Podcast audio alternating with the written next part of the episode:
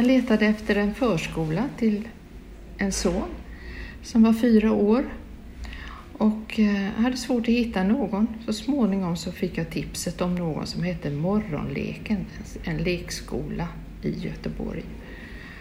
Och jag ringde dit och frågade vad det här var för någonting och vad för pedagogik. Ja, Waldorfpedagogik sa de. Och vad betyder det, sa jag, för jag visste ingenting om det. Ja, det betyder för de små barnen att vi leker mycket. Och jag frågade, vad leker ni bara? Lär de sig ingenting? och det där var ett yttrande som jag har ångrat många gånger eller fått revidera i stor utsträckning.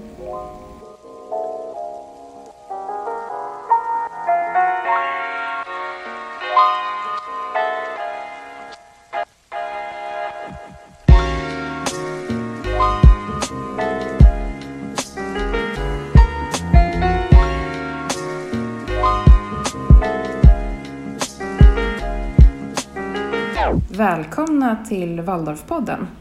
I dagens avsnitt så träffar jag Eva Malm. Hur kom det sig att du kom i kontakt med antroposofi? Ja, det var genom att eh, genom mina egna barn. Jag letade efter en förskola till en son som var fyra år. Så det var, det var där det började. Så småningom blev jag mer och mer intresserad. Och jag fick, hade förmånen att vara med ganska mycket i den här lekskolan därför att min son var diabetiker från väldigt liten. Som, som, han fick det som väldigt liten och därför bad jag att få vara med och se hur det skulle gå. Så småningom så blev jag mer och mer insatt i vad det här var för någonting och mer och mer intresserad. Ja, sen hände det ju att eh, den äldste sonen han skulle gå i skola och så småningom så eh, ja, han vantrivdes faktiskt i vanliga skolan efter att ha gått utomlands tidigare. Så jag letade efter en skola också. Och då visste jag ju vid det laget att det fanns en skola för de äldre barnen också. Och då prövade vi det och han kom in där och fick gå där några år. Och under den här tiden så blev jag bara mer och mer intresserad av den bild av människan som levde i den här skolan. Och det var inte alls vad jag var van vid, men jag var mycket, mycket glad för att se att det, handelns arbete var viktigt, konsten var viktigt, rörelsen var viktigt och intellektet skolades liksom genom det. Jag tyckte det var fascinerande. Men gick du vidare sen med de här tankarna då, just att kanske göra någonting mer utav det? Att vara en del utav det på ett annat sätt? Ja, så fick jag en fråga från en lärare i skolan om jag kunde tänka mig att ta keramik och göra keramik med barnen. Modellera och göra krukor som en sorts hantverk för de som började nå tonåren. Och då hade jag en verkstad hemma i källaren så att eh, eleverna fick komma dit hem till mig och ha keramikundervisning med mig. Och eh, så småningom så visade det sig att jag, ja, det fanns fler behov i skolan och kunde jag ta engelska också kunde jag ta det ena och det andra.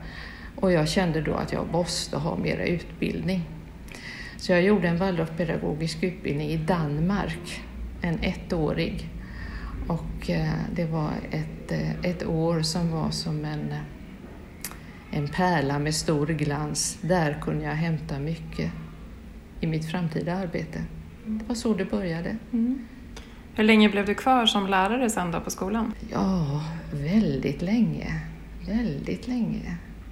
Jag var med om att bygga upp eh, gymnasiet till exempel tillsammans med Arne Lachner och andra också förstås. Och eh, det var ju ett stort pionjärarbete att sätta sig in i vad pedagogiken för tonårstiden kunde vara för någonting. Och det arbetade vi med i ganska många år. Och sedan så småningom så blev det Waldorflärarutbildning, först i Göteborg och så sedan så blev jag tillfrågad om jag fick, ville komma upp till Stockholm och ta hand om den lärarutbildningen där ute. Mm. Och då träffade jag dig faktiskt för Ja, första gången. ja. Och det är ju jättelänge sedan nu. Ja, det är det jättelänge är sedan. 20 år sedan faktiskt i år. Minst va? Ja, minst ungefär så är det. Ja. Eh, och jag vet ju att du och Arne hade ju den utbildningen bland annat då tillsammans också, men det var ju även andra lärare som kom dit som idag, om man skulle prata om dem inom antroposofin så kallar man ju nästan för legendarer eller ikoner, sådär, ni som var med på den tiden. Och jag tänker att det måste ju ha varit ett enormt arbete som ni la ner för att kunna driva den utbildningen. Det var det. Och det var ett väldigt fritt arbete. Jag måste säga att vi var ju väldigt eh, intresserade och vi hade väldigt fria händer. Men vi hade inga pengar. Det var nackdelen. Men eh, vi hade en möjlighet att, att göra Waldorfpedagogiken och utbildningen ganska fri i förhållande till, eh, till det som krävdes av andra skolor.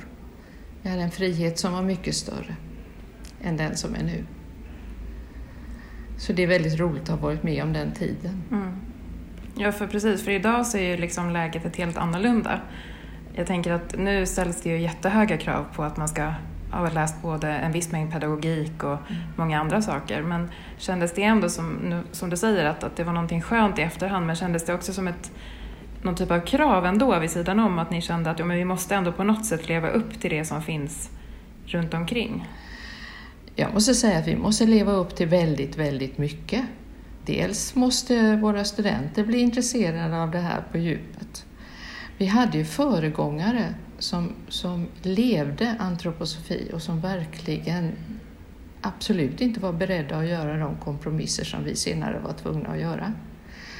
Och det betyder ju att vi fick, eh, vi fick arbeta väldigt mycket med antroposofin men vi fick också lov att översätta på något sätt. Vi fick eh, försöka att tala två språk helt enkelt. Och det var ju möjligt i viss utsträckning. Man måste inte bara tala med de antroposofiska begreppen, man kan tala med vanliga ord också.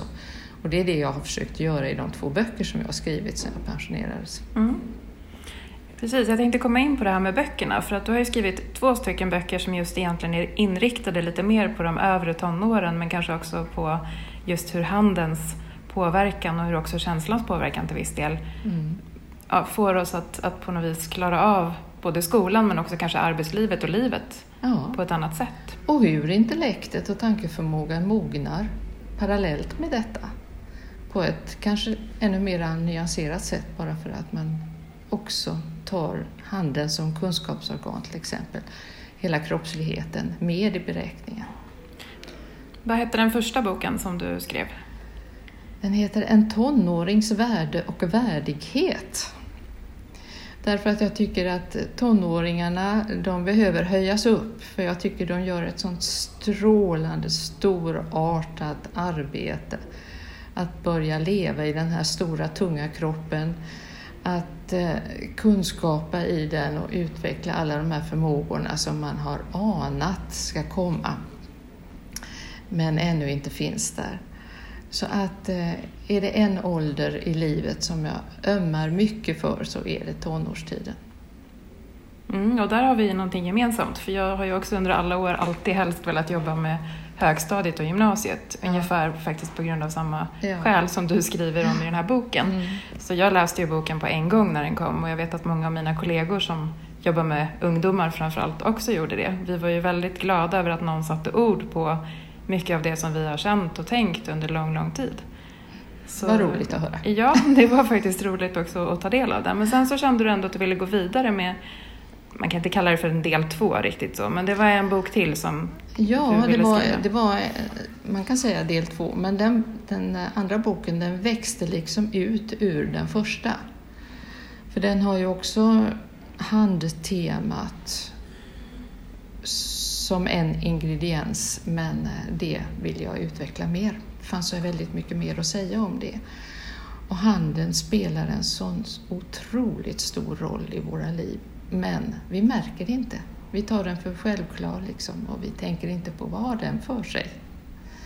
Men den är genial. Om jag ger ett exempel. Vi griper med vår hand och vi begriper. Vi rör vid något och vi blir berörda. Det är liksom en, en dubbelström som gör att vi får kontakt med världen, att vi vidgar vår medvetenhet på samma gång som vi deltar i världen. Känner du att du skulle vilja nå ut mer med böckerna än vad du har gjort hittills eller tänker du att det är många som har läst dina böcker? Jag skulle nog hoppas att fler läste dem. Det är klart att jag skulle. Mm. Det är klart jag skulle. Det är svårt att nå ut för att, eh, ja, vem ska göra marknadsföringen? Mm. Då kan vi göra lite reklam här nu då. Egentligen ska man kanske inte göra det i Waldorfpodden, men om någon av er som lyssnar på det här avsnittet är intresserad av att veta mer om Eva Malms böcker så får ni jättegärna kontakta VLH eller också mig, Jessica Torell på Waldorfskolefederationen så kan vi berätta mer om hur ni kan få tag på Evas böcker.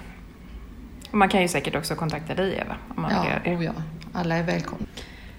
Eh, om man tänker sig Waldorf i framtiden, det finns ju många som idag pratar om att, att man är rädd att pedagogiken håller på att urvattnas, att det som faktiskt fanns en gång i tiden, ja, dels om man går hundra år tillbaka i tiden, för vi firar ju nästa år hundra år, eh, alltså den första Waldorfskolan grundades för hundra år sedan, nästa år då, 2019. Men jag tänker om man går tillbaka till det som var det ursprungliga med, med Waldorfskolorna, tror du att, att samma finns kvar idag eller har vi släppt för mycket av det som var det ursprungliga? Det viktiga är ju att vi inte släpper människokunskapen och den bilden av människan som vi har och som vi, som vi eh, eh, skapar vår pedagogik utifrån. Och jag, visst är det mycket som är hotat och många krav som måste tillgodoses och eh, formaliserade krav också.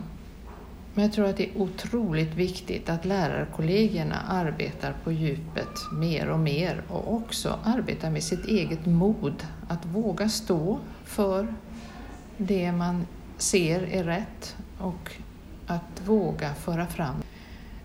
Så modet, men modet måste också paras med insikten och vi får aldrig ge upp detta att vi ständigt måste utvidga vår kunskap om vad en människa verkligen är för någonting. Det är många Waldorfskolor idag som inte, som inte har utbildade Waldorflärare och som kanske då måste ta de som har annan pedagogik med sig i botten. Hur tänker du kring det? Tror du att det också kan göra att, att Waldorfskolorna tappar lite av sitt signum eller är det viktigt att man vet med sig när man blir anställd på en Waldorfskola att nu kanske jag måste ta tag i det här med utbildningen och bli Waldorflärare? Det finns ju en risk att det urvattnas naturligtvis om inte skolans ledning tar det på allvar och ser till att i möjligaste mån man får en internutbildning, att man får hjälp av någon lärare att, att eh, besvara de frågor som man går omkring med så att man känner att man åtminstone är med i samma ström och inte arbetar mot det. För då är det ju bättre att man är på en annan skola och arbetar. Så att det ligger en väldigt stor, eh, stort ansvar på skolorna själva. Mm. Är det någonting som du saknar ifrån skolan? Eller känner du att du är färdig med det? Nej, jag är väldigt tacksam för alla de minnen jag har. På något sätt så saknar jag ingenting utan jag har ju det och jag har kontakt med det och jag har kontakt med VLH hela tiden. Inte som undervisande så mycket men då och då dimper jag ju ner och gör någon föreläsning. Men eh, jag har kontakt med vad som sker där och det är jag väldigt glad för för att eh, kollegiet där är också väldigt öppet. Och eh, jag går gärna dit. Mm. Jag brukar fråga de som jag intervjuar i Waldorfpodden vad ordet Waldorf betyder för dem. Så nu frågar jag dig också, vad är Waldorf? Ja, vi använder ju det i Sverige men det är ju inte alla länder som använder det. I Danmark där jag gick min utbildning till exempel vet de inte vad Waldorfpedagogik är utan där är det Steinerpedagogik. Vilket är mer adekvat egentligen. Men hos oss har detta med Waldorf och eh, stället som Waldorfpedagogiken utvecklades på i Waldorf Astoria-fabriken fått gehör, så det vi, vi kallar det så. Steinerpedagogik vore väl bättre kanske. Har det någon symbolik för dig eller känner du att det, är, alltså att det har något speciellt innehåll? Med Waldorf menar mm, du? Om du bara tänker ordet. Så. Eh, ja, det, det beror ju på hur pass insatt man är. Man tänker sig väl kanske till Waldorf Astoria hotellkedja i, i USA och sånt där men det är ju inte det det handlar om. Nej. Är det någonting som du skulle vilja att människor liksom får veta mer om när det gäller just Waldorf-antroposofi? Jag skulle vilja att folk visste hur många av väldigt framgångsrika människor som har gått i Waldorfskola. Det märks inte, de pratar inte om det. Men det finns så många. Och sen finns det också väldigt många som inte har den karriärvägen utan har mer, mera hamnar i vård och eh, hantverk och sådant som inte är lika spektakulärt och som inte visar sig lika mycket. Så det finns ju hela spektrat. Inte minst finns de på alla våra sjukhus som läkare mm. och sjuksköterskor. Mm. Och arkitekter brukar många säga. Arkitekter ja. är väldigt många också. det är väldigt vanligt, ja. precis. Mm. Nu är jag här i Göteborg och träffar dig och du bor ju här nu på heltid om jag har förstått det hela rätt. Eller är ja, du i Stockholm och nej. bor ibland också numera? Eller är det... Nej, jag bor nej. här. Jag ja. bor här. Ja. Känns det som att det är bra att, att ha kommit tillbaka hit? För du var ju i Stockholm ett tag och sen så... Ja, jag var i 20, 20 år var i Stockholm. Men Göteborg är ju min stad. Det är det. Och jag känner mig hemma här. Mm. Så jag är glad över att vara tillbaka. Mm. Och jag har barn och barnbarn här också. Lika väl som i Stockholm. Mm. Då får du pendla emellan då? Ja, jag gör det. Jag har, jag har ju stor kontakt med Stockholm fortsatt också. Mm. Tycker du att vi ska gå tillbaka till att vara lite busiga som ni var på 90-talets slut där när ni startade upp utbildningen som egentligen då kanske idag inte skulle hålla hålla samma mått? Ja, den utbildningen var inte sämre än den Nej. som är nu. Den var bara mindre formaliserad mm. av krav som kommer utifrån. Men å andra sidan sett är det också bra att förhålla sig till krav som kommer utifrån. Hur kan man vara kreativ i det i alla fall? Så att det är bara att acceptera att så här är det. Men eh, inte ge upp. Mm, där. Det tror jag vi ska avsluta med, att inte ge upp utan att kämpa vidare. För vi är ju många som verkligen vill Waldorf och som vill antroposofi och som också vill ha kvar så många skolor som möjligt ja. ute i landet. Och inte bara skolor utan också förskolor och fritidshem och gymnasierna framför allt. Mm. Ja, det är roligt. Ja. Och jag önskar er all lycka till, ni som ska fortsätta. Ja, och vi är jätteglada att vi har fått lära oss av dig bland annat. Och så att vi kan bära med oss de kunskaperna också in i framtiden. Tack så det känns Jessica. väldigt fint faktiskt. Roligt. Stort tack för att du var med i Waldorfpodden. Mm, tack.